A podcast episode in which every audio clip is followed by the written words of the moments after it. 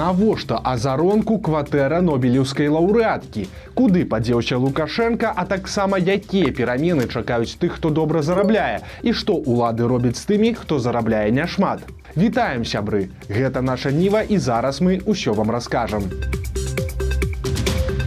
кватэру святланы алексеевич аддадуць шматдзетнаму міліцыянту учора прайшлі маштабныя ператрусы па справе каардынацыйнай рады. Сілавікі хваліліся што ў спісе падазраваных больш за сотню беларусаў. Цяпер жа свае 5 копеек уставілі прапагандысты рыгор азаронак і пётр пятроўскі і гэтыя копейкі аказаліся максімальна людажэрскія. Азаронак які дарэчы вёў эфір у майцы са сталіным прыйшоў да абсалютна сталінскай думкі. Ён хоча каб за эмігрантаў якіх уладалі лічаць ворагамі адказвалі іх сваякі што застаюцца ў беларусі. Пятроўскі прапанаваў каб з'ехаўшых увогуле пазбавілі права на спадчыну. Акрамя таго гэтая парачка згадала кватэру святланы алексеевич якая знаходзіцца ў самым цэнтры мінска у так званым доме чыжа. Пісьменніца купила яе пасля атрымання нобелеўскай прэміі. Цяпер жа азаронак і пятроўскі хочуць гэтую кватэру адабраць і аддаць сілавікам. Почему в ее квартире все знают где у нее квартира она купила за свой ее квартиру квартиру надо многодетным вот, передать. на военно-патриотические клубы, силовикам ну, квартиру не передашь, а вот э, многодетным семьям все. можно. Многодетной семье отдать или семье силовика какой-нибудь многодетной. Лукашэнкі няма ў Беларусі. Праўда, гэта ненадоўга.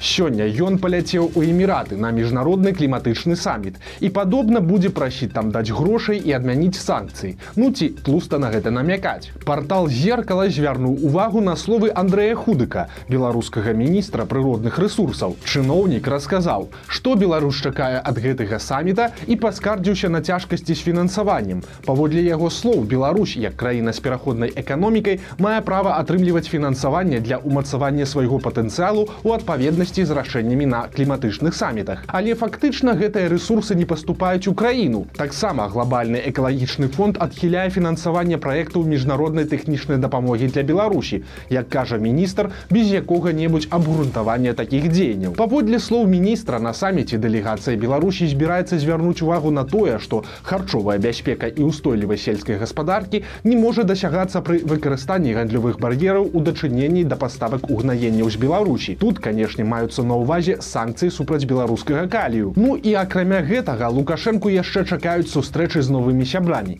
Нядаўна ён сам казаў, што падчас саміта плануе перамовы з кіраўнікамі некаторых афрыканскіх дзяржаў. У рассіі паціху расце незадаволенасць жанчын, чыіх мужоў забралі ваяваць падчас мабілізацыі. Але яна прымае ну вельмі дзіўныя формы. Калі коротка, то сітуацыя наступная. Мабілізацыя ў рассіі пачалася ў мінулым верасні і многія мужчыны, якіх тады забралі на вайну, знаходзяцца на фронте ўжо больш за год.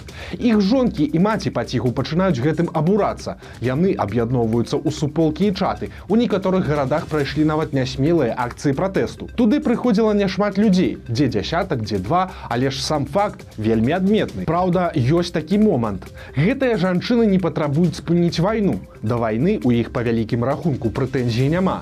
Яны просяць толькі каб улады вярнулі ім мужоў і сыноў. Маўляў нашыя ўжо дастаткова паваявалі. Хопіць цяпер замяніце іх іншымі. Таксама жанчыны ўжо пачалі і іншыя дзеянні. Напрыклад некаторыя клеяць на сваё аўто вось такія налепкі. Зачытваць мы іх не будзем бо не ўсе словы цэнзурныя. Але ж вы самі бачыце што там напісана. Прычым напісана з выкарыстаннем лацінскіх літар зтв якія сталі сімваламі расійскай агрэсіі прапаганда адразу ж актывізавалася ужо з'явіліся і правільныя жонкі мабілізаваных якіх усё задавальняе але расійскія ўлады ставяцца да такога руху вельмі асцярожна ніякай адназначнай рэакцыі пакуль не было такое ўражанне што яны просто назіраюць каб зразумець ці гэта сапраўднае шчырае абурэнне простых жанчын ці нейкія інтэрнэт-правакацыі. Але ж адзначым, што любы раскол сярод прыхільнікаў вайны, нават такі вось дзіўны, ідзе не на карысць расійскім уладам.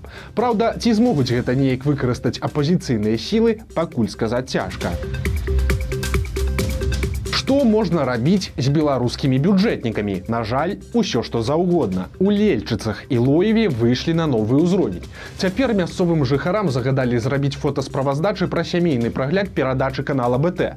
Праграма была прысвечаная праблемным падлеткам. На ёй выступалі чыноўнікі ад адукацыі і сілавікі, ад пракуратуры і ад міліцыі. Здымкі нібыта вельмі зацікаўленых гледачоў пасля апублікавалі мясцовыя раёнкі. Але і на гэтым не ўсё. Пасля некаторых яшчэ і прымусілі расказваць мясцовай дзяржаўнай прэсе, якую добрую і карысную перадачу яны паглядзелі. Але ж наколькі добраахвотна выказваюцца гэтыя людзі, можна зразумець проста пацікавіўшыся іх прафесіямі. Усе яны работнікі бюджэтнай сферы, медсястра, бібліятэкарка, работніца пошты, ну і гэтак далей у вас праблемнае дзіця цяпер ад яго можна будзе афіцыйна пазбавіцца. Але толькі часова. Дэпутаты распрацавалі новы законапраект які прысвечаны правапарушэнням падлеткаў. Сярод іншага там ёсць такі цікавы момант. Цяпер калі падлетак ужывае забароненыя рэчывы ці нават алкаголь бацькі могуць самастойна адправіць яго ў спецыяльную выхаваўчую установу на рэабілітацыю. Раней такое маглі рабіць толькі дзяржорганы і толькі парашэнні суда. Цяпер жа дастаткова будзе напісаць заяву у такую спецшколу і прыкласці доказы, што сын ці дачка ўжываюць нешта забароненае. Таксама бацькі змогуць выказаць пажаданы тэрмін, на які аддаюць дзіця. Гэта ад адной вучэбнай чвэрці да каляндарнага года. Але ж за бацькамі застаецца права забраць дзіця дадому раней і яшчэ адзін закон. У беларусій усё ж з'явіцца так званы падатак для багатых. Ён закране тых хто зарабляе больш за 200 тысяч рублёў за год. Гэта значыць што месячны заробак прыкладна 16 з паловай тысяч у рублях ці 5 тысяч у далярах. Цяпер такі чалавек будзе плаціць ужо не 13 процентаў а 25 то бок чвэрць аддаваць дзяржаве. Тут праўда заўважым што фізічныя асобы якія маюць такую зарплату гэта альбо нейкія кіраўнікі альбо вузкія спецыялісты ў некаторых сферах альбо айцішнікі. Апошнія і так з'язджаюць Беларусі праз вайну і рэпрэсіі, а тут яшчэ такі сюрпрыз ад уладаў. Новаўвядзенне можа прымусіць у чарговы раз задумацца пра эміграцыю тых айцішнікаў, хто пакуль яшчэ нягледзячы ні на што застаецца ў Беларусі. Дэпутаты ўжо прынялі законапраект у другім чытанні. Цяпер яго разгледзець у савеце рэспублікі і адтуль накіруюць на подпіс да лукашэнкі колькі беларусаў жыве ў галечы? Белстат публікуе лічбы афіцыйнага даследавання. Аказалася што за мяжой беднасці знаходзіцца больш за 320 тысяч беларусаў. Гэта три з паловай проценты насельніцтва. Прычым лічыцца што чалавек жыве за мяжой беднасці калі яго доход ніжэйшы за пражытачны мінімум то бок меншы за 367 рублёў і 79 копеек. Тых у каго гэтая лічба хоць трохі большая ўжо не ўлічвалі. Самыя вялікія праблемы у магілёўскай вобласці. Там амаль 5 з паловай процентаў жыхароў жывуць за мяжой беднасці. Найлепшая сітуацыя чакана ў мінску. Там такіх трошкі больш за 1 процент. Чаму радуецца Наталья Качанова беларускім сілавікам. Старшыня Савета Рэспублікі заявіла, што яе радуе адсутнасць скаргаў на працу праваахоўных органаў. Маўляў, на гэтую тэму заўсёды былі нараканні, але апошні год дынаміка вельмі добрая. Качанова парадавалася, што падчас апошняга прыёму грамадзянаў да яе ўвогуле ніхто не звяртаўся па нейкіх праблемах з сілавікамі. На думку качанавай гэта сведчыць пра тое, што нарэшце правільна выбудавалі працу і такія пытанні вырашаюцца аператыўна. Тут Тут праўда Наталья Івановна не кажа пра адзін такі тонкі момант. Ніхто з сілавікоў не панёс ніякага пакарання за гвалт у двадцатым годзе і гвалт падчас рэпрэсій апошніх гадоў.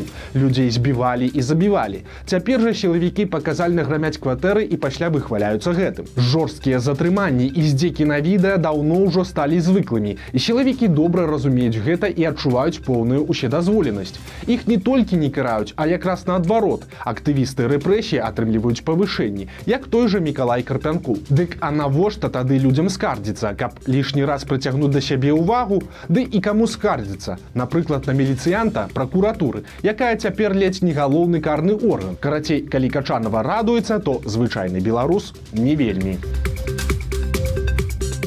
жудасны пажар адбыўся ў бабруйску. Учора ўвечары загарэлася кватэра мясцовай пенсіянеркі, якая ўтрымлівала дома аж 22 коцікі. 86гадовую жанчыну знайшлі ў калідоры. Падобна яна спрабавала выбрацца з кватэры, але не паспела. Агонь не пашкадаваў і жывёлаў. Згарэла 18 катоў, выжылі толькі чацвёра. Прычыны здарэння цяпер высвятляюцца сказаў пару словаў і сеў на пару гадоў. Жыхар пінска напіўся, зайшоў на мясцовую запраўку і запатрабаваў, каб яму выдалі 500 рублёў і прыгразіў, калі грошы не дадуць, то ён узарве заправачную станцыю. Праўда, гэта не спрацавала. Мужчыну затрымалі, завялі крыміналку, а цяпер судзілі. Яго прызналі вінаватым у вымагальніцтве грошай і адправілі на тры гады ў калонію. Ну і на развітанне трошкі пазітыву. Каб зусім не засумаваць пасля такіх навінаў, паслухайце чарговыя добрыя словы ад легендарнага маляваныча. Усё будзе добра сябры. Все будзе добра. Адзін мудрэц спытаў сваіх вучняў: Чаму людзі так громко крычаць, калі спрачаюцца, хоць яны знаходзяцца побач. Ты не ведалі, што адказаць. Таму сказаў мудрэц, што іх сэрцы далёка адзін ад аднаго. Чым грымчэй яны крычаць, тым яны далей адзін ад аднаго. Людзі размаўляюць ціха, калі яны паразумеліся, бо іх сэрцы бліжэй.